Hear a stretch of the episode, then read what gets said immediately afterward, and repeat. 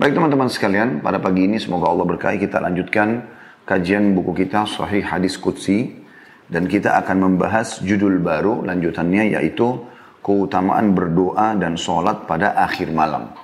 Jadi sebenarnya seperti nyambung dengan bahasan yang sebelumnya ya. Tetapi memang bahasan sebelumnya panjang lebar kita jelaskan keutamaan. Maka uh, kita belum sempat menyelesaikan atau melanjutkan dengan bab ini. Ini bab bisa kita katakan berdiri sendiri dan kita coba akan bahas insya Allah hadis yang diangkat oleh penulis tepatnya hadis nomor 113 atau urutan 113 dari awal mempelajari buku ini dengan sanad sahih. Bunyinya dari Abu Hurairah radhiyallahu anhu bahwa Rasulullah sallallahu alaihi wasallam bersabda, "Yanzilu Rabbuna tabaraka wa ta'ala kulla lailatin ila as-sama'i dunya hina yabqa thuluthul laylil akhir. Yaqul, man yad'uni fa'astajibalah, man yas'aluni fa'u'tiyah, wa man yastagfiruni fa'akfiralah. Rob kita yang maha suci lagi maha tinggi turun pada setiap malam ke langit dunia ketika tersisa sepertiga malam terakhir. Seraya berfirman, siapa yang berdoa kepadaku, maka aku akan mengabulkannya. Siapa yang memohon kepadaku, maka aku akan memenuhinya. Dan siapa yang memohon ampunan, taubat kepadaku, maka aku akan mengampuni. Diriwayatkan oleh Bukhari, Muslim, Abu Dawud, Tirmidzi, Ibnu Majah, dan juga An-Nasai. Seperti biasa teman-teman sekalian, kita akan bedah hadis ini insya Allah menjadi atau mengambil, dan mengambil darinya beberapa manfaat. Yang pertama potongan hadis ini yang Nabi SAW mengatakan yanzilu Rabbuna tabaraka wa ta'ala. Dimaksud dengan turunnya Tuhan kami atau Tuhan kita yang maha berkah dan maha tinggi. Kalimat Nabi SAW yanzilu mengisbatkan atau menetapkan sifat turunnya Allah. Kalau Allah subhanahu wa ta'ala benar-benar dengan kemahasempurnaannya ya, turun. Dan kita sudah tahu turun itu berarti dari atas ke bawah. Jadi ini menetapkan ada uh, perbuatan Allah subhanahu wa ta'ala yang Allah lebih ya, mengetahui seperti apanya karena tugas kita mengimaninya. Dan tidak boleh kita mengalihkan maknanya. Mengatakan bukan Allah yang turun, tapi rahmatnya misalnya. Karena Nabi SAW memastikan dengan bahasa yang jelas, Yanzilu Rabbuna Tabaraka wa Ta'ala. Berarti Tuhan kita turun, ya, yang maha tinggi dan maha berkah. Jadi ini bahasa turun ini adalah menandakan Allah Subhanahu wa Ta'ala, zat yang maha mulia, mendatangi kita Ya, mirip dengan hadis yang sebelumnya sudah kita jelaskan bagaimana Nabi SAW mengatakan telah datang kepadaku Tuhan. Sebenarnya tentu Allah Subhanahu Wa Taala ya, yang menyambut ya, hamba-hambanya dengan memberikan peluang mereka agar bisa ya, memohon kepadanya. Kemudian potongan yang kedua, kulla lailatin setiap malam. Ya. Kalimat kulla layla berarti tidak tertinggal satu malam pun dari malam-malam dunia kecuali Allah subhanahu wa ta'ala turun ke langit bumi. Dan ini juga menandakan setiap harinya, setiap malamnya Anda punya peluang untuk bertemu dengan Tuhan Anda Allah subhanahu wa ta'ala untuk bermunajat tentunya kepadanya walaupun tidak melihat secara zat. Dan Allah subhanahu wa ta'ala memang tidak terlihat oleh makhluknya di dunia tapi akan terlihat di akhirat nanti. Ya, karena Allah maha besar, maha kuasa. Allah sudah memang memasang hijab antara dia dengan hambanya di dunia ini. Sebagaimana uh, Pernah ditanyakan kepada Nabi SAW oleh Aisyah radhiyallahu anha, hal tara rabbak? Apakah anda melihat Tuhan anda pada saat sedang mi'raj ke langit? Maka jawaban Nabi SAW, Allah nurun ala nur anna arah. Allah itu cahaya di atas cahaya, bagaimana aku bisa melihatnya? Juga Nabi Musa alaihissalam sempat bertanya, memohon kepada Allah agar diperlihatkan atau melihat Allah. Ya. Dia mengatakan, A'udzubillahi rajim dalam Al-Quran diceritakan, Rabbi arini anzur ilaik. Wahai Tuhanku izinkan aku melihatmu. Qala lan tarani walakin anzur ilal jabal. Kau tidak akan pernah bisa melihatku. Tapi kalau kau tetap berpikir masalah itu, lihatlah ke gunung-gunung itu. Fa in istaqarra makana fa sawfa tarani. kalau gunung-gunung itu bisa menampung, bisa bukan menampung. Saya tarik kalimat ini, bisa ya, menerima kedatangan Allah Subhanahu wa taala, maka kau akan bisa melihatku. Falamma tajalla rabbu jabal pada saat Allah dengan kemahasempurnaannya ya ingin datang ke gunung itu ja'alahu dakka maka hancur lebur gunung itu. Wa Musa sa'iqa. Dan Musa pun akhirnya pingsan ya. Pada saat dia terkaget dia pun bertobat kepada Allah Subhanahu wa taala. Dan Nabi SAW sudah mengatakan dalam sebuah hadis uh, kalian akan melihat pertama kali Tuhan kalian nanti di mahsyar dalam bentuk cahaya yang terang seperti bulan purnama di malam Lailatul Qadar. Ya. Kemudian kalimat selanjutnya ila sama'id dunya hina yabqa thuluthul lailil akhir ke langit dunia pada saat tertinggal sepertiga malam. Kita ambil dulu potongannya di sini ila sama'id dunya ke langit ya, dunia. Ada riwayat juga menjelaskan tentang Allah subhanahu wa ta'ala menciptakan tujuh lapis langit.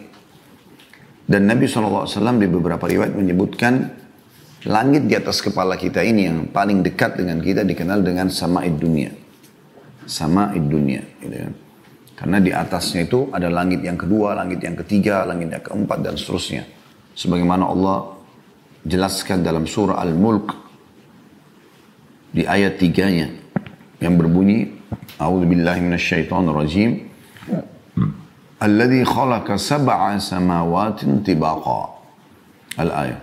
Allah lah yang telah menciptakan tujuh lapis langit, tibak, bersusun kemudian juga dalam surah Naba Allah SWT berfirman sab'an shidada. Tujuh langit lapis tujuh lapis langit yang sangat kokoh. Juga tentunya Nabi SAW menggambarkan pada saat beliau sedang mi'raj ke langit, beliau menggambarkan kalau di langit pertama ketemu dengan Adam, terus saja ketemu dengan Nabi-Nabi sampai di langit ketujuh ketemu dengan Ibrahim alaihi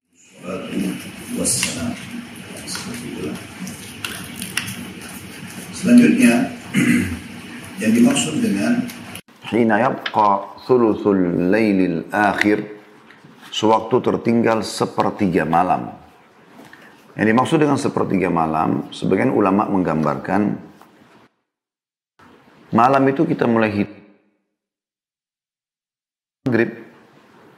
Misal maghrib kita jam 6 sore misalnya. Subuh jam 5 pagi. Contoh saja ini. Berdiri ke jam 5 ini kurang lebih 11 jam. Nah 11 jam ini teman-teman dibagi tiga. Jadi 6, 7, 8, 9, 10, 11, 12. Kemudian 1, 2, 3, 4, 5. Kurang lebih 11 atau 12 jam kalau kita hitungnya. Kalau kita hitung 12 jam, berarti 4 jam terakhir sebelum subuh. Dari jam 5 mundur 4 jam. Ya. 5, 4, 3, 2. Mulai jam 2 atau jam satu malam sudah masuk sepertiga malam. Lalu yang menjadi inti bahasan kita sebenarnya dari hadis ini adalah firman Allah Subhanahu wa taala, "Yaqul may yad'uni fa astajibalah." Siapa di saat ini mau meminta kepadaku supaya aku berikan kepadanya? Wa may yas'aluni. Dan siapa yang ya, Siapa yang berdoa kepada aku, aku terima pada saat ini. Dan siapa yang meminta kepada aku, minta apa saja, selama kebaikan, aku akan penuhi. Wa yastaghfiruni. Dan siapa yang memohon ampun, aku akan mengampuninya. Ya, jadi ada tiga penawaran dari Allah Sang Pencipta kepada kita semua dan itu terjadi di setiap malam. Yaitu siapa yang memohon, meminta, silakan. Aku akan berikan. Berdoa. Siapa yang khusus meminta tolong, maka aku penuhi. Siapa yang memohon ampun, aku akan maafkan. Ini kalau kita simpulkan ketiganya, sebenarnya berbicara masalah doa. Dan dalam doa kita kepada Allah subhanahu wa ta'ala, kita akan memohon hajat kita, menyampaikan kebutuhan yang kita harapkan Allah penuhi, dari makanan, minuman, pakaian, pekerjaan, pasangan hidup, anak-anak, kebutuhan kita. Termasuk kebutuhan akhirat minta masuk surga dan seterusnya. Sisi yang lain kita juga minta kepada Allah agar dilindungi dari keburukan-keburukan yang akan menimpa kita. Seperti misalnya fitnah, ya, penyakit, kayak zaman kita sekarang wabah, ya, dan seterusnya. Juga dalam doa kita sering kali kita panjatkan juga agar dimaafkan kalau kita punya kesalahan. Supaya Allah subhanahu wa ta'ala sebagai sang pencipta, sang raja yang sebenarnya ridho dengan kita. Ini semua kita simpulkan dia masuk dalam doa. Dalam doa. Baik teman-teman, kita akan coba bedah lebih dalam tentang masalah ini. Karena doa ini memang sebuah ibadah, bahkan dia inti dari ibadah. Kita coba sama-sama membuka, kalau Anda bisa membuka aplikasi Al-Quran di handphone Anda. Buka surah Ghafir. Surah nomor 40, ayat 60 surah nomor 40 ayat 60 yang bunyinya A'udzu billahi minasyaitonir rajim wa qala rabbukum ud'uni astajib lakum. Innal ladzina yastakbiruna an ibadati sayadkhuluna jahannama artinya dan Tuhan Muhammad Muhammad telah bertitah berkalam. Berdoalah kepadaku. Niscaya aku atau akan ku perkenankan. Niscaya akan ku perkenankan bagimu. Sesungguhnya orang-orang yang menyombongkan diri dari berdoa kepadaku atau menyembahku akan aku masukkan ke dalam neraka jahanam dalam keadaan hina dina. Ayat ini sangat jelas. Memang fokus ke masalah doa tadi. Doa ini teman-teman curhat kepada Allah. Bahasa lain saya manja kepada Allah. Allah mau kita manja kepadanya. Tanda kutip ya. Merengek, mohon.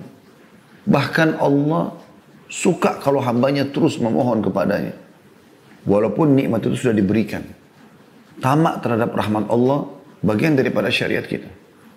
Misal kita sehat, kita minta agar kesehatan itu ditambah kita kaya, minta kaya itu akan ditambah. Kita sudah punya pekerjaan, keturunan, pasangan, minta diberkahi. Ya. Tamak terhadap rahmat Allah Subhanahu wa taala. Makanya dalam Al-Fatihah saja kita kalau sholat sering mengulangi ihdinas siratal mustaqim, ihdinas siratal mustaqim. Doa terus mohon kepada Allah SWT agar terus dipandu berikan jalan yang benar. Gitu. Dan di sini juga Allah memastikan berdoalah kepadaku niscaya aku atau akan kuperkenankan bagimu. Sebaliknya Allah justru murkah kepada orang-orang yang tidak mau berdoa kepadanya seakan-akan tidak butuh dengan sang pencipta. Ya. Tentu Allah raja yang berbeda dengan raja-raja manusia. Raja manusia makin orang tidak minta padanya dia makin senang. Gitu kan? Karena dia berharap hartanya tidak berkurang di sana. Tapi Allah subhanahu wa ta'ala berbeda. Dia justru menyuruh kita untuk mohon kepadanya. Dia suruh kita tamak terhadap rahmatnya. Hmm. Makanya Allah justru marah kalau kita tidak berdoa. Dianggap sombong oleh Allah ta'ala. Makanya dikatakan innal ladina yastakbiruna an ibadati. Sesungguhnya orang yang sombong terhadap berdoa kepadaku. Menyembah kepadaku. Maka pasti aku akan masukkan ke dalam neraka jahanam dalam keadaan hina dina. Baginda Nabi SAW mengingatkan masalah doa, mengatakan ad-doa huwal ibadah. Doa itu adalah inti ibadah. Ya. Jadi kalau anda sudah sering berdoa, berarti diikuti dengan keimanan anda kepada Allah, otomatis. Nah mungkin anda memanjatkan sesuatu yang anda tidak yakin, gitu kan? Dalam arti kata keberadaannya Allah SWT. Kemudian juga dengan berdoa, berarti memang anda sudah minta kepada pemilik segala sesuatunya. Karena kalau kita sehat, yang miliki kita Allah, yang miliki kesehatan itu Allah, yang bisa mempertahankan dan menambahnya Allah. Kalau kita sakit, maka yang miliki kita Allah, yang miliki juga ya, penyakit itu adalah Allah, yang bisa menyembuhkan juga Allah. Juga anda dari sisi yang lain, yang ketiga adalah menolak semua sesembahan selain Allah. Otomatis. Ya. Anda tidak perlu berdoa lagi, memohon kepada selainnya. Juga sabda Nabi SAW dalam riwayat Tirmidzi, Man lam Allah yaghdab alaih. Siapa yang tidak memohon kepada Allah justru Allah murka padanya. Ya. Juga dalam riwayat Tirmidzi disebutkan Nabi SAW bersabda tidak ada sesuatu yang paling mulia di sisi Allah melebihi doa. Doa ini teman-teman sekalian, baik Anda lihat jawabannya atau belum ada lihat jawabannya, tetap dia ibadah. Anda akan panen dalam bentuk pahala pada hari kiamat. Jadi nggak ada keraguan untuk terus berdoa kepada Allah Subhanahu wa taala. Ya. Ibnu Hajar coba menjelaskan bahwa Imam At-Taibi berkata, sebaiknya hadis Nu'man secara bahasa artinya berdoa menunjukkan hadis Nu'man tadi itu hadis tentang masalah doa itu adalah inti ibadah ya. Siapa yang tidak berdoa maka Allah murka padanya ya. Kata beliau harusnya difahami Artinya berdoa menunjukkan sikap berendah atau berserah diri dan membutuhkan Allah karena tidak dianjurkan ibadah selain berserah diri dan tunduk kepada pencipta serta merasa butuh kepada Allah. Oleh karena itulah Allah menutup dengan firman-Nya sungguhnya orang yang menyombongkan diri dari menyembahku atau berdoa kepadaku. Dalam ayat ini orang yang tidak mau tunduk dan berserah diri kepada Allah disebut dengan orang yang sombong. Sehingga berdoa mempunyai keutamaan di dalam ibadah dan ancaman bagi mereka yang tidak mau berdoa adalah hina dina. Disebutkan dalam Fathul Bari, jilid 11, halaman 98. Ada hal yang perlu Anda tahu dalam berdoa teman-teman, ada namanya tahapan berdoa. Rasulullah SAW bersabda, tidak seorang muslim pun di muka bumi ini berdoa pada Allah kecuali Allah akan menjawabnya. Gak ada doa yang anda panjatkan yang Allah tidak jawab. Akan tetapi, kata Nabi SAW, bisa melalui salah dari tiga tahapan atau tiga hal. Tiga keadaan. Yang pertama, Allah berikan langsung di dunia seperti permintaannya. Misal, ya Allah sembuhkanlah aku, maka Allah sembuhkan. Ya Allah beri aku rezeki, tiba-tiba dapat rezeki. Ya. Allah langsung memberikan jawabannya. Atau, kata Nabi SAW, Allah hilangkan kesusahan yang menimpanya. Ya. Sampai Ibnu Qayyim rahimahullah menitipberatkan mengatakan, seseorang misalnya berdoa, ya Allah sembuhkanlah anakku. Lalu ia berkata, aku sudah berdoa selama 10 tahun tapi Allah belum berikan. Atau belum menerima. Ini kekeliruan kata beliau. Karena bisa saja tanpa doa maka anak itu jadi lebih parah atau mati. Tetapi dengan doa kepada Allah yang maha pemurah, hilanglah musibah yang akan menimpahnya. Yang ketiga, Allah simpankan untuknya pada hari kiamat yang Allah gantikan dengan pahala yang banyak. Di dalam sebuah asar disebutkan, Sesungguhnya hamba-hamba yang rajin berdoa akan menemukan pahala yang melimpah pada hari kiamat. Maka pada saat itu mereka berharap bila semua doa mereka di dunia ya, kepada Allah yang maha sempurna ya, terlambatkan jawabannya dan diterima pada hari kiamat karena besarnya mereka dapatkan. Pada saat Allah yang maha pemurah menerlambatkan jawaban doa anda di dunia, karena itu semua karena Allah maha mengetahui lebih baik dan lebih tahu yang terbaik. Ibaratnya seperti bila anak minta izin kepada orang tuanya atau minta sama orang tuanya. Orang tuanya lebih tahu. Ya. Mana yang terbaik buat anaknya. Jadi kalaupun misalnya anaknya mau minta mohon izin kepada orang tuanya akan jalan dengan fulan atau fulana dan orang tua tahu anak yang diajak jalan ini buruk narkotika lah, pezina lah, apalah segala macam itu. Saya yakin sehebat apa pun anak Anda memohon, retorika apa pun yang digunakan Anda tidak akan berikan. Izinkan, karena Anda tahu itu. Ini ibaratnya saja, gitu ya. Saking dahsyatnya doa, sampai kata Nabi SAW, La yaruddul qadha illa doa. Dalam hadis riwayat Tirmidzi. Tidak ada mungkin ada yang bisa menolak takdir kecuali doa. Sementara takdir Allah SWT kita sudah tahu, tidak akan mungkin berubah gitu ya. Tapi Nabi SAW sampaikan masalah itu. Sampai kata Nabi SAW, doa itu kalau dipanjatkan, maka dia bersaing ke langit dengan dengan takdir. Maka bisa ini mengalahkan ini atau ini mengalahkan ini. Baik teman-teman, kita masuk lebih dalam lagi membahas tentang syarat-syarat diterimanya doa. Kalau anda mau doa anda diijabah, diterima, ada syarat-syaratnya. Yang pertama sekali adalah ikhlas. Sebagaimana Allah sebutkan dalam surah Al-A'raf, surah nomor 7 ayat 29 yang bunyinya a'udzubillahi minasyaitonir rajim Al-A'raf surah nomor 7 ayat 29. Qul amara rabbi bil qist wa aqimu wujuhakum 'inda kulli masjidin wad'uuhu mukhlisina lahu ad-din kama bada'akum ta'udun. Katakanlah hai Muhammad kepada semua pengikutmu Tuhanku menyuruh menjalankan keadilan.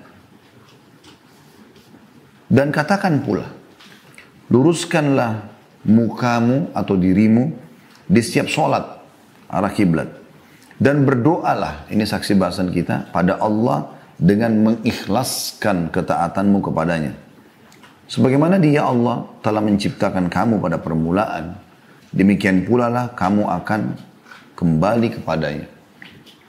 Jadi sini ada perintah untuk ikhlas juga sabda Nabi SAW riwayat Abu Daud, Inna Allah la yakbulu amal illa makana khalisan diwaji. Allah tidak akan terima amal kecuali ikhlas kepadanya. Jadi kalau teman-teman berdoa, jangan sama sekali ada indikasi riak. Karena lawan ikhlas adalah riak. Ingin pamer, ingin dipuji. ya. Dan setiap kali ada masuk sedikit masalah itu, stop. Langsung berhentikan. Ya, lawan dia. Jangan ikuti bisikan syaitan. Karena syaitan selalu mengajak kita negosiasi. Yang kedua, syarat diterimanya doa memuji Allah atau tahmid dan juga membaca salawat kepada Nabi sallallahu alaihi wasallam. Sebagaimana Nabi sallallahu alaihi wasallam bersabda kepada seseorang sahabat yang masuk masjid tiba-tiba mengatakan Allahumma gfirli, ya Allah ampunilah aku. Kata beliau, sungguh orang ini sangat tergesa-gesa. Kalau saja ia memuji Allah dan membaca salawat kepadaku. Juga sabda Nabi SAW, semua doa yang tidak membaca salawat kepadaku, akan terhijab atau tertahan. Yang ketiga, syaratnya khauf dan tamak. Maksudnya diikuti dengan rasa takut. Ya. Jangan sampai doa ini nggak diterima supaya anda terus semangat berdoa dan tamak terhadap rahmat Allah artinya meminta sesuatu yang besar kepada zat yang maha besar. Dari hal kecil sampai yang besar anda minta kepada Allah. Selama itu bukan mustahil dalam ciptaan Allah. Seperti misalnya jangan minta, ya Allah hilangkan malam. Kan tidak mungkin. Itu sunnatullah Allah ciptakan malam akan selalu ada. Gitu kan. Itu juga misal meminta agar nggak usah ada ya Allah hilangkan semua wanita, hilangkan semua laki-laki nggak mungkin. Gitu kan. Seperti itulah. Tapi selama itu sesuatu yang boleh dalam syariat Allah SWT maka panjatkan. Allah sebutkan dalam syarat yang ketiga khauf dan tamak rasa takut tidak diterima doanya sehingga dia terus maksimal berdoa dan tamak artinya berharap agar diberikan tambahan dari karunia Allah Subhanahu wa taala Disebutkan dalam surah Al-A'raf, surah nomor 7 ayat 56. Jadi surah yang seperti tadi ya, tapi ini ayat 56-nya. Kalau tadi masalah ikhlas Al-A'raf 29. Kalau ini Al-A'raf 7 eh, ayat 56. A'udzu billahi minasyaitonir rajim wa la tufsidu fil ardi ba'da islahiha. Wa la tufsidu fil ardi ba'da islahiha wad'uuhu khaufan wa tama'a inna rahmatallahi qaribun minal muhsinin. Dan janganlah kamu membuat kerusakan di muka bumi. Allah mau kita nikmati, jangan merusak, jangan ganggu orang, jangan ganggu lingkungan.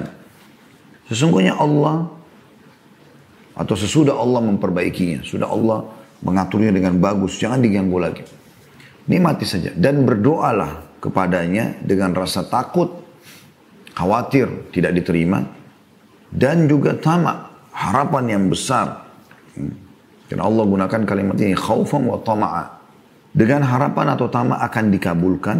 Ya. Sesungguhnya rahmat Allah amat dekat kepada orang-orang yang berbuat baik. Yang keempat, menggunakan asma'ul husna, nama-nama dan sifat-sifat Allah yang mulia.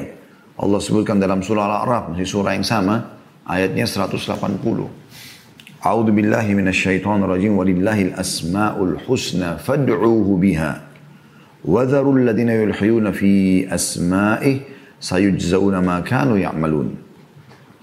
Hanya milik Allah asmaul husna itu, nama-nama yang mulia. Maka bermohonlah kepadanya, kepada Allah, dengan menyebut asmaul husna itu. Dan tinggalkanlah orang-orang yang menyimpang dari kebenaran dalam menyebut nama-namanya. Nanti mereka akan mendapat balasan terhadap apa yang telah mereka kerjakan. Jadi makna daripada ayat ini gunakan nama-nama. Misalnya, Ya Ghafur, wahai zat yang maha pengampun, Ighfirli, maafkanlah aku. Wahai zat ya, yang maha agung, Ya Azim, Azim sya'ni, agungkanlah perkaraku atau urusanku. Maksudnya, buatlah aku jadi ya punya kedudukan, punya jabatan, punya harta, punya nama harum dan seterusnya. Misalnya tawab, wahai zat yang menerima taubat hambanya, tub alaiya. Ya, terimalah taubatku. Kemudian juga yang lainnya Ar-Rahman, Ar-Rahim yang maha pengasih lagi maha penyayang. Ya. Irhamni, kasihanilah aku. Ya Razzaq, wahai zat pemberi rezeki, urzukni, berikanlah aku rezeki dan seterusnya. Yang kelima, makanan, minuman, pakaian halal. Ini syarat terimanya doa. Dalam sebuah hadis Bukhari, kata Nabi SAW, sesungguhnya ada seseorang yang memohon pada Allah dalam keadaan badannya kurus, kumuh, dan tidak menggunakan alas kaki. Tetapi bagaimana Allah menerima sementara makanan, minuman juga pakaiannya haram. Yang keenam, tidak meminta yang haram. Kalau tadi itu makanan, minuman, pakaian haram.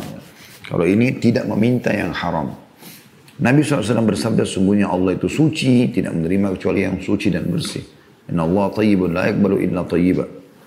Dan juga dalam hadis yang lain, Inna Allah jamilun yuhibbul jamal. Allah itu indah, sempurna, suka semua itu.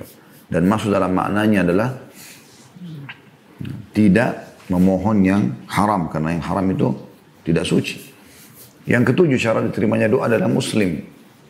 Adalah muslim. Sebagaimana sabda Nabi SAW pada saat ada beberapa Yahudi yang lewat di hadapan beliau lalu mengatakan Assalamualaikum. Kematian buat kalian. Maka Aisyah marah sambil mengatakan kematian untuk kalian. Dan semoga Allah memberikan kalian laknat. Kata Nabi SAW, wahai Aisyah, pelan-pelan lah. Alaiki birrifq. Lembut aja. Kata dia, ya Rasulullah, tidak anda dengar apa yang mereka berdoa? Sampaikan. Kata Nabi SAW, tidak kau dengar bagaimana jawabanku. Sesungguhnya doa kita kepada Allah untuk mereka diterima doa mereka kepada Allah untuk kita tidak diterima. Berarti kan ada masalah muslimnya di sini. Ulama hanya membatasi satu-satunya doa orang kafir yang diijabah adalah kalau dia terzalimi. Di saat itu, ya, diterima doanya kalau dia terzalimi. Sebagaimana dalam hadis Bukhari Muadz bin Jabal radhiyallahu pada saat diutus ke Yaman untuk berdakwah, maka di saat itulah Nabi alaihi salatu wassalam mengingatkan wattaqi da'watal madlum fa inna laisa bainahu baini bainahu bainallahi hijab. Hati-hati kamu ya, dengan doanya orang-orang tertolimi. Sebab yang didakwai sebenarnya orang kafir oleh Muadz bin Jabal. Karena sungguhnya ya, tidak ada hijab antara dia sama Allah. Yang kedelapan tidak tergesa-gesa. Rasulullah SAW mengatakan yustajabu li ahadikum malam ya'jal pasti diterima doa seseorang di antara kalian selama tidak tergesa-gesa Para sahabat bertanya, "Kaifa ya'jal ya Rasulullah?" Bagaimana cirinya orang yang tergesa-gesa itu? Kata Nabi SAW, "Yaqulu da'autu da'autu wa lam yustajabu li fatarakat doa." Dia mengatakan, "Aku sudah berdoa, aku sudah berdoa dan belum melihat jawabannya," maka dia meninggalkan doa setelah itu. Ya. Jadi masuk dalam masalah tergesa-gesa sini kata sebagian ulama adalah tidak terburu-buru dalam mengucapkan doa yang penuh dengan harapan dan tidak terburu-buru dalam menunggu jawabannya. Sabar gitu. Ya. Ada prosesnya. Yang kesembilan, memaksimalkan tempat dan waktu diterimanya doa. Seperti di wilayah haram Mekah, ya. Ada multazam antara Hajar Aswad dengan pintu Ka'bah. Semoga Allah SWT nanti mudahkan kita kembali umrah dan haji insya Allah. Kemudian meminum air zam-zam, ya. Kemudian di Arafah, pada saat lagi haji. Itu tempat misalnya. Kemudian waktu sepertiga malam, sebagaimana dalam bahasan hadis kita, pada saat sujud, ya. Kemudian sebelum salam akhir, pada saat berpuasa, ya. baik itu sementara puasa ataupun pada saat nanti bermenjelang buka puasa sebagaimana insya Allah kita juga akan masukin sebentar lagi Ramadan semoga Allah mudahkan insya Allah dan berkahi waktu dan juga ya, ibadah kita kemudian musafir pada saat hujan sedang turun, sedang berkecamuk peperangan antara azan dan iqamah. Dua orang tua untuk anaknya. Anak soleh untuk orang tuanya. Dua setiap muslim untuk muslim yang lain. Dan akhir waktu asar pada hari Jumat. Ini kurang lebih yang disebutkan dalam riwayat-riwayat. Kalau tertinggal sepertiga malam, hadis tadi yang sudah kita sebutkan. Saat sujud adalah hadis Nabi SAW riwayat Bukhari. Akrabu abdu ila rabbi wa huwa sajid. Ya. Wa akthiru fihi doa. Paling dekatnya seorang hamba dengan Allah pada saat dia sujud berbanyak doa. Ya. Kemudian sebelum salam akhir, setelah Nabi SAW ajarkan doa-doa sebelum salam, beliau mengatakan setelah itu, Faliyadu umaisya, boleh orang berdoa apa pun yang dia inginkan. Berpuasa, ya. dan juga musafir digabungkan dalam hadis. Ya. Sebenarnya orang puasa juga ada riwayat sendiri. Kata Nabi SAW, sungguhnya orang yang puasa ya, memiliki waktu yang diijabah oleh Allah Subhanahu Wa Taala. Riwayat lain menjelaskan pada saat menjelang buka puasa, tapi umumnya mulai dia puasa ya, dari setelah pas sahur sampai menjelang buka puasa semuanya waktu mustajab. Musafir pun begitu, kata Nabi SAW, dua yang tidak ragu lagi doanya diijabah atau tidak ditolak, yaitu orang yang berpuasa dan musafir. Juga pada saat hujan sedang turun, pernah hujan turun Nabi SAW mengatakan ini rahmat Allah sedang turun, berdoalah. Pada saat perang lagi berkecamuk, kata Nabi SAW dalam sebuah hadis yang sahih, ya, bahwasanya di seperti keadaan inilah pada saat perang lagi berkecamuk, doa tidak ditolak. Kemudian juga antara azan dan iqamah sudah masyhur, kata Nabi SAW dalam hadis tidak akan ditolak doa antara azan dan iqamah. Doa orang tua buat anaknya, ya, sabda Nabi SAW, ya, termasuk doa yang mustajab adalah doa orang tua buat anaknya. Ya. Makanya orang tua tidak boleh sembarangan mengucapkan kata-kata yang buruk sehingga menjadi doa buat anaknya. Itu juga anak soleh yang mendoakan orang tuanya. Kita tahu dalam hadis yang masyhur kan. Kalau anak Adam meninggal dunia terputus sumber pahalanya kecuali dari tiga. Sedekah jariah, ilmu bermanfaat atau anak soleh yang mendoakan. Itu juga doa setiap muslim untuk muslim yang lain. Kata Nabi SAW dalam hadis sahih doa muslim terhadap untuk muslim yang lain ala zahril ghaib tidak bertemu, tidak berhadapan dia doakan saudaranya dari tempat lain pada saat lagi sholat, pada saat eh, apa, selepas sholat, pada saat antara azan dan iqamah dan seterusnya. Dan juga akhir waktu asar atau di selepas asar di waktu hari Jumat. Boleh juga di hari Jumat ya. Semoga Allah SWT juga kembalikan kita bisa Jumat lagi seperti biasa. Itu eh, terjadi eh, juga di saat khatib lagi duduk di khutbah kedua sampai dikomahkan sholat. Dan ini dua-dua aja riwayatnya. Kata Nabi SAW, uh, eh, hari Jumat ada 12 waktu, tidak ada seorang muslim berdoa pada saat itu kecuali diijabah. Dan fokuslah ya, uh, pada saat khatib sedang duduk ya, di khutbah kedua sampai dikomahkan sholat. Riwayat lain, uh, Jumat itu 12 waktu, ya, atau seperti itu lafadznya. saya tidak terlintas sekarang tepat lafadznya, tapi Nabi SAW mengatakan bahwasanya ya, waktu mustajab ya, di hari Jumat itu adalah selepas asar sampai terbenam matahari. Ada banyak kisah-kisah tentang mustajabnya doa Nabi SAW dan itu terlalu banyak bahasanya tentunya. Tapi di antaranya pernah ada seseorang datang kepada Nabi SAW, Nabi lagi khutbah Jumat. Kemudian orang ini tiba-tiba teriak-teriak mengatakan, Ya Rasulullah, Ya Rasulullah dari luar masjid. Maka Nabi SAW mengatakan, Malak, ada apa dengan kamu? Lagi khutbah, dia berhentikan khutbah. Orang lagi hening mendengarkan khutbah Nabi SAW. Maka dia mengatakan, telah terputus jalan-jalan, mati hewan-hewan ternak kami, bahkan kering, kami pun tidak bisa minum, tidak bisa masak segala macam. Tidak ada air. Mohonlah kepada Allah, seakan-akan dia mau mengatakan, mumpung, mumpung anda di atas mimbar, mohon kepada Allah supaya turun hujan. Maka kata Anas bin Malik perawi hadis ini, radhiyallahu anhu, Pada saat itu saya melihat ke langit karena masjid Nabi itu, itu tidak ada atapnya. Langit seperti kaca, nggak ada awan. Kalau tidak ada awan, tidak hujan. Karena air dibawa oleh awan dengan hikmah Allah turunlah hujan dari situ. Semana Allah sebutkan dalam ayat-ayat Al-Quran. Dan kita sudah tahu prosesnya memang seperti itu. Maka kata Nasib bin Malik, Nabi SAW pun berdoa dengan mengucapkan dua kali, Allahumma agithna, Allahumma agithna. Ya Allah berikanlah kami hujan, berikanlah kami hujan. Maka tiba-tiba kata Anas bin Malik, belum khutbah Nabi SAW selesai, kecuali Madinah sudah dipenuhi dengan awan-awan yang gelap, lalu turunlah hujan lebat. Dan kami tidak melihat matahari selama sepekan. Jumat setelahnya datang orang yang sama lagi dari luar masjid mengucapkan lagi kalimat yang sama. Ya Rasulullah, ya Rasulullah. Kata Nabi SAW, ada apa lagi? Dia mengatakan, ya Rasulullah, terputus jalan-jalan kami. Hewan-hewan kami bisa binasa, kami pun bisa binasa. Karena ini banjir sekarang, hujan terus. Mohon kepada Allah agar diberhentikan. Maka ini salah satu mujizat Nabi SAW. Beliau pun berdoa, ya Allah jadikanlah hujan ini kebaikan buat kami, bukan masalah buat kami. Ya Allah alirkanlah air hujan ini ke, apa namanya, yang dari gunung, ke lembah-lembah, dan ke tempat-tempat tumbuhnya pohon-pohon gitu kan. Supaya ada resapan gitu ya. Lalu Nabi SAW kata Anas Malik menunjuk ke awan-awan yang ada di atas kota Madinah dan tidak ada satupun awan ditunjuk oleh Nabi SAW kecuali bubar. Artinya tidak ada lagi awan pada saat itu. Kalau Allah menerlambatkan doa hamba, bisa karena cinta Allah kepadanya. Dalam sebuah riwayat dikatakan sungguhnya bila Allah mendengar doa yang indah dari hambanya, maka ia pun menerlambatkan jawabannya. Agar hamba tersebut tetap dalam doanya. Allah itu sangat sayang dengan kita. Allah nggak mau kita ya mengembalikan atau dikembalikan tangan kita dalam keadaan kosong. Sebagaimana dalam hadis Bukhari juga dijelaskan, Allah malu mengembalikan tangan hambanya yang sudah diangkat ke langit dalam keadaan kosong. Allah SWT berikan, bukan tidak berikan. Bahkan banyak orang mungkin yang tidak menyadari kalau Allah sudah berikan kepada dia. Ya, Cuma memang melalui prosesnya, ada tahapannya. Yang penting teman-teman sekalian doa jangan pernah putus asa. Jangan pernah batasi doa itu.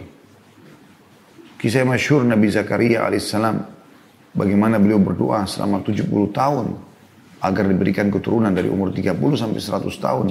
Anda bisa baca dalam surah Maryam tentunya ya. Surah nomor 19 ya, ayat 1 sampai ayat 10. Ya. Bagaimana Allah menggambarkan Nabi Zakaria berdoa terus sampai dia sudah tua maka Allah berikan ijabah. Begitu juga Allah jelaskan tentang Nabi Zakaria ini dalam surah Al-Anbiya Surah nomor 21 ayat 89 sampai 90. Juga dalam surah Al-Imran, surah nomor 3 ayat 38 sampai 41. Al-Imran, surah nomor 3 ayat 38 sampai 41. Nah, ini sudah sering saya ulangi sebenarnya termasuk dalam majelis kita tentang kisah Nabi Zakaria. Anda pun bisa kembali ke judul ceramah kami, dahsyatnya doa. Dan beberapa poin ini saya bacakan dari makalah atau powerpoint yang saya susun tentang masalah dahsyatnya doa itu. Begitu juga dengan Nabi Ayub alaihissalam yang sudah diuji oleh Allah subhanahu wa ta'ala dengan beragam macam ujian. Dia bahagia selama 20 tahun. Ada cobaan berat dalam hidupnya. Dia gagah, dia nabi, dia dianggap sebagai tokoh masyarakat di kaumnya. Dakwanya diterima. Istrinya cantik, subur, sampai melahirkan 12 anak laki-laki semua anaknya tampan-tampan, pintar-pintar. Ternaknya banyak sekali. Ya, kebunnya juga subur. Ya. Tapi subhanallah, kuasa Allah SWT, Allah datangkan setelah 20 tahun cobaan. Maka Allah buat di hari pertama Nabi Ayub AS yang segar, yang kuat, tiba-tiba kena penyakit yang kita sudah tahu. Ya, pada saat itu diuji oleh Allah SWT penyakit kulit sehingga uh, menular dan orang semua menjauh kecuali istrinya. Kemudian yang hari kedua Allah matikan semua anaknya yang lagi makan di sebuah ruangan. Lalu Allah rubuhkan bangunannya mati semua tiba-tiba. Jadi sudah hari pertama tidak punya ya, sakit-sakit tubuhnya. Hari kedua mati semua anaknya.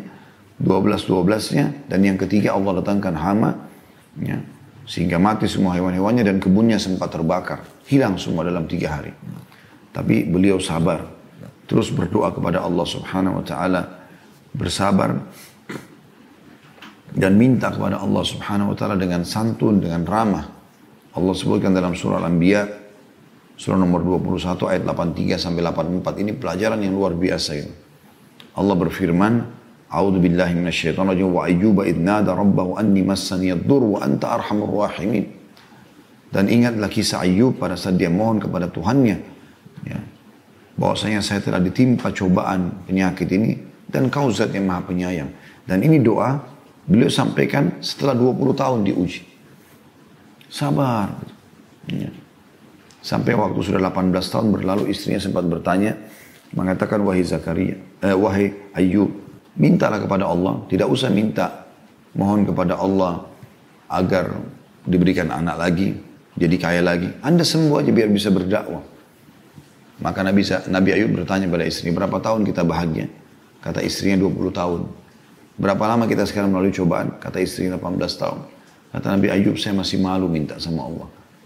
Maka setelah itu, dia minta kepada Allah setelah 20 tahun dan dia mengucapkan kalimat yang mulia ini. Dan ingatlah ketika Ayub memohon kepada Tuhannya bahwasanya saya ditimpa penyakit. Bukan dia bilang, ya Allah sudah 20 tahun sembuhkan saya. Enggak, dia mengatakan, wa anta arhamur rahimin. Dan kau zat yang maha penyayang. Maksudnya terserah Mau sembuhin saya iya, kalau enggak juga enggak ada masalah. Tapi kau zatnya maha penyayang, pasti kau tahu kebutuhanku. Maka Allah mengatakan fastajabna lahu wa kashafna ma bihi min dur. Maka kami ya terima permintaan dia dan kami angkat penyakitnya. Apakah dengan begitu saja? Tidak. Kalau Anda menikmati prosesnya dan Anda sabar, yang terjadi adalah dikatakan wa atainahu ahlahu wa mithlahum ma'ah. Dan pada saat itu kami berikan ya kami kembalikan keturunannya, ya. Kami buat lagi, maksudnya di sini kata sebagian ulama tafsir, ya kami kembalikan keluarganya kepadanya, maksudnya buat istrinya hamil, melahirkan anak, ya, laki-laki lagi, dikatakan wa mithlahum ma'ah dan kami lipat gandakan bilangan mereka. Tadi anaknya 12 jadi 24. Tadinya hartanya melimpah jadi miskin. Tiba-tiba penyakitnya sembuh, Kemudian masyarakatnya datang gembira karena Nabi Ayub sudah sembuh. Mereka menghibahkan harta-harta kepada Nabi Ayub. Nabi Ayub menjadi lebih kaya dari sebelumnya, dari 20 tahun yang lalu, dalam seketika, dalam sehari. Lalu istrinya pun dengan hikmah Allah SWT terlihat tanda hamil, lalu melahirkan anak double dari jumlah yang sebelumnya. Allah mengatakan, setelah mengatakan mithlahum ma'ahum dan kami lipat gandakan bilangannya rahmatan min indina sebagai rahmat buat kami wa dzikra lil abidin dan peringatan bagi hamba-hamba. Gitu kan? Juga Nabi Yunus alaihissalam yang masyhur. Setelah dia meninggalkan wilayah Nainawa, kemudian dia coba ya, mencari lokasi dakwah lain, padahal sebenarnya dia keliru pada saat itu, karena dia harusnya bersabar. Yang terjadi adalah akhirnya Allah SWT masukkan dia ke dalam ikan pulut ikan paus dan Allah alam berapa lama dia di sana. Tapi setelah itu dia berdoa kepada Allah Subhanahu Wa Taala. Dia berdoa kepada Allah SWT dan Allah ijabah dia. Bahkan saking tulusnya Nabi Yunus berdoa kepada Allah pada saat itu dan mengakui kesalahannya mengatakan la ilaha illa anta subhanaka inni kuntu minadh dhalimin. Ya tidak ada Tuhan yang berhak disembah kecuali Engkau maha suci Engkau aku termasuk orang-orang zalim. Kata Nabi SAW tidak ada seorang pun yang berdoa menggunakan apa yang diucapkan oleh Yunus ini kecuali diijabah. Kecuali diijabah dalam surah Al-Anbiya disebutkan kisahnya, surah nomor 21 ayat 87 sampai 88. A'udzu billahi minasyaitonir rajim. Wa dhannuni idh dhahaba mughadiban fa dhanna an lan naqdira fi dhulumati an la ilaha illa anta subhanaka inni kuntu minadh dhalimin. Fastajabna lahu wa najjaynahu minal gham. Wa kadzalika nunjil mu'minin. Dan ingatlah kisah Zannun atau Yunus. Ya, ketika ia pergi dalam keadaan marah kepada kaumnya karena tidak mau menerima dakwanya Lalu ia menyangka bahwa kami tidak akan mempersempit atau menyulitkannya. Dia pikir itu boleh. Allah tidak hukum dia, padahal sebenarnya Allah akan marah sama dia. Kenapa tinggalin lokasi dakwah sebelum ada perintah? Walaupun niatnya baik. Maka ia menyeru dalam keadaan yang sangat gelap di perut ikan. Ya, bahwa tidak ada Tuhan selain engkau, maha suci engkau. Sesungguhnya aku termasuk orang-orang yang berbuat zalim. Itu ayat 87-nya, Al-Anbiya. Ayat 88-nya, maka kami telah maka kami perkenankan doanya dan menyelamatkannya dari dari dari dari kedukaan itu dan demikianlah kami selamatkan orang-orang beriman. Surah Yunus juga disebutkan tentunya dalam surah Safat yang masyhur. surah nomor 37 ayat 139 sampai 148 ya. Itu disebutkan kisah Nabi Yunus kurang lebih mirip seperti tapi lebih terinci sedikit ya. Surah Sofat surah nomor 37 ayat 139 sampai 148. Ibnu Qayyim berkata rahimahullah berhubungan dengan masalah doa ini, perumpamaan hamba yang belum Allah Maha Tinggi beri jawaban doanya, seperti seorang anak yang ibunya sedang marah padanya, lalu ibunya mengusirnya keluar rumah dan menutupkan pintu rumah untuknya. Kira-kira apa yang akan dilakukan si anak tadi? Tanda tanya. Apakah ia lalu pergi atau meminta maaf dan memohon pada ibunya agar dibukakan pintu lagi? Tentu Anda sudah tahu jawabannya. Yang pasti kata beliau, si anak akan terus minta maaf dan memohon pada ibunya agar dimaafkan dan dibukakan lagi pintu. Dan ketahuilah, saat si anak terus memohon, maka hati sang ibu tersentuh dan tidak tega bila tidak memaafkan dan membukakan pintu lagi untuknya. Yakinlah Allah maha pengasih, jauh lebih pengasih dari ibumu. Maka bila belum kelihatan jawaban doa, maka lebih giatlah dalam berdoa lagi. Tentu teman-teman sekalian banyak sekali doa-doa pilihan dan ini saya sarankan teman-teman hafal doanya. Di antaranya pernah uh, seorang seseorang ya berkata kepada Nabi SAW, ya Rasulullah, doa udah terlalu banyak. Saya juga ingin doa yang bisa mendapatkan semua kebaikan. Bisa nggak anda pandu? Kata Nabi SAW, coba baca. Allahumma inni as'aluka khaira ma sa'alaka minhu nabiyyuka wa abduka Muhammadin sallallahu alaihi wasallam. Ya Allah, aku memohon kepadamu semua kebaikan yang pernah diminta dan dimohon oleh nabimu dan hambamu Muhammad sallallahu alaihi wasallam. Wa a'udzu bika min syarri masta'adzaka nabiyyuka wa abduka Muhammadin sallallahu alaihi wasallam. Dan aku berlindung kepadamu dari semua yang telah Nabi berlindung darinya, ya, Nabi dan hamba Muhammad SAW berlindung darinya. Wa antal musta'an wa alaikal balaq. Tempat mula kami meminta tolong dan dari mula jawaban daripada permohonan itu. Ini termasuk doa yang merangkum semua kebaikan yang Nabi SAW pernah minta dan minta memohon agar dijauhkan dari semua keburukan yang pernah Nabi berlindung darinya. Juga ada potongan doa ringkas Allah maj'al kullu makduri khairah Ya Allah jadikanlah semua takdirku kebaikan. Allahumma ja'al kullu makduri khairah. Kemudian juga ada doa yang lain. Allahumma inni a'udhu bika min zawali ni'amik. Nah ini doa diperlukan di zaman kayak kita sekarang ya. Minta Allahumma inni a'udhu bika min zawali ni'amik. Ya Allah, aku berlindung kepadamu jangan sampai nikmatmu terangkat dariku. Hilangnya nikmat. Kesehatan, ya, kekayaan, keturunan dan seterusnya. Wa tahawuli afiyatik dan teralihkannya kesehatan kepada sakit. Wa fujaati nikmatik dan tiba-tibanya datang hukumanmu. Wa jami'i sakhatik dan semua kemurkahanmu. Yang terakhir teman-teman sekalian adalah doa yang masyhur juga diajarkan Nabi SAW. Allahumma inni as'aluka khaira kulli wa ajili. Ya Allah aku minta semua kebaikan. Baik yang sudah dekat ataupun yang masih jauh. Ma'alimna minhu ma'lam na'lam. Apa yang kami ketahui dan kami tidak ketahui. Wa na'udhu bika min syarri kulli. Dan kami berlindung kepadamu dari seluruh keburukan. Ajilihi wa ajili. Ya, yang sudah dekat ataupun yang masih jauh. Ma'alimna minhu ma'lam na'lam. Apa pun yang kami ketahui ataupun kami tidak ketahui. Jadi kita minta kepada Allah subhanahu wa ta'ala agar diberikan yang terbaik semuanya. Dan juga doa yang masyhur tentunya yang sudah tidak asing bagi teman-teman. Rabbana atina fid dunya hasanah wa fil akhirati hasanatan wa qina adzaban nar wa adkhilnal jannata ma'al abrar ya aziz ya ghafar ya rabbal alamin di setiap tawaf kita disuruh ulangi tujuh kali tawaf selalu bacain. Rabbana atina fid dunya hasanah berikanlah kami seluruh kebaikan di dunia. Wa fil akhirati hasanah seluruh kebaikan di akhirat. Wa qina adzaban nar. Dan jauhkanlah kami dari siksa api neraka. Wa adkhilnal jannata ma'al abrar. Dan masukkanlah kami ke dalam surga bersama dengan orang-orang yang patuh. Ya Azizu ya Ghaffar, wahai zat yang maha mulia dan juga maha pengampun. Ya Rabbal Alamin, wahai Tuhan alam semesta. Ya. Pernah ada seorang sahabat, dia sakit keras. Ya, kita tutup dengan ini, sakitnya luar biasa kerasnya. Ya, dan orang-orang pun pada heran, belum ada orang kena penyakit seperti itu. Teriak-teriak kesakitan segala macam. Sampai Nabi SAW menjenguknya. Tahu Nabi bilang pada saat lihat dia, doa apa yang kau sampaikan kepada Allah? Dia bilang, ya Rasulullah, saya bilang, Ya Allah kalau seandainya ada hukuman yang engkau akan timpakan atas dosa-dosaku, dosa-dosa di dunia, di akhirat nanti, maksudnya dengan dosa di dunia aku buat, di akhirat aku akan dihukum, maka majukanlah di dunia. Jadi hanya dia sakit seperti ini, karena hukuman akhirat dia minta dimajukan. Kata Nabi SAW, Subhanallah, Maha Suci Allah. Kenapa kau tidak akan mampu menampung itu? Kenapa kau tidak baca Rabbana atina fid dunya hasanah wa fil akhirati hasanah wa qina adzabannar?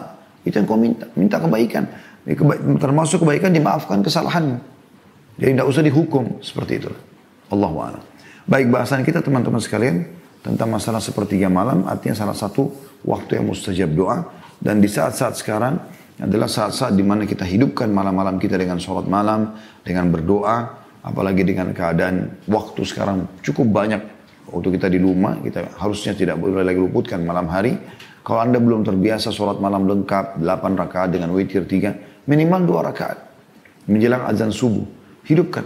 Dan sebentar lagi akan masuk Ramadan. Walaupun misalnya kita belum bisa tarawih di masjid, maka kita bisa tarawih di rumah yang merupakan sholat malam yang dimajukan. Maka jangan sia-siakan. Anda juga akan bangun makan sahur. Itu waktu mustajab doa. Jangan hanya habiskan waktu dengan makanan dan minuman juga tontonan. Tapi berdoa. Itu mustajab. Bayangkan teman-teman kalau Anda punya hajat dengan salah satu orang di dunia, lalu dia mengatakan, misal presiden, presiden mengatakan datanglah ke istana saya atau ke kantor saya jam 6 pagi. Syaratnya lagi kau harus jalan kaki. Bawa ini dan itu. Maka saya akan kasih apa yang kau minta. Misal, misal dia mau minta dibebasin tanahnya, dia mau minta dikasih jabatan. Saya yakin orang akan berbondong-bondong ke situ. Subhanallah. Allah datang sepertiga malam ke rumah kita tanda kutip di dunia ya, di bumi ini, lalu menanyakan lagi, apa hajat kalian? Ada salah yang kalian lakukan mau minta maaf sama saya? Ya. Ada nggak pertolongan yang kalian butuhkan? Maka saya akan berikan. Jangan disia-siakan semua ini. Allahu a'lam. Baik ini bahasan kita insya Allah.